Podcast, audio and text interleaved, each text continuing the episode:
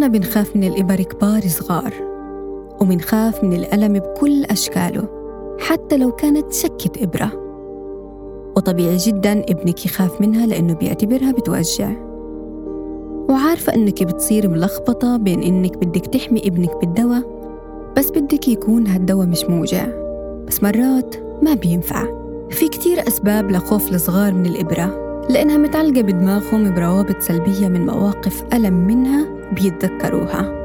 أنت الآن بتسألي حالك كيف أتعامل مع خوف ابني من الإبر. أول إشي حاولي تشتتي ذهنه عن الإبرة. يعني ممكن تعطيه لعبة كتاب غني معه. خليه يعد أو خليه ينتبه على الصور المعلقة على الحيط. وممكن تحطي له سماعات وتخليه يسمع أغنيته المفضلة. حطي ابنك بحضنك وامسكي إيده وهو بياخدها. ولا تبيني إنك قلقانة لأنه إذا اطلع فيكي ابنك ولقاكي هادية حيهدى. أعطيه مكافأة لدعمه زي إنه تعطيه هدية صغيرة أو طلعيه مكان لأنه نجح وأخذ الإبرة. حاولي تاخدي ابنك على طبيب أطفال حنون ومتفهم. وإذا كان متوتر قولي للدكتور ليساعده على الاسترخاء. وأهم إشي ما تكذبي عليه وتقولي له إنه ما بتوجع عشان يضل يثق فيكي وأخيراً كوني داعمة إله بكل تجاربه الصعبة ومراحل حياته.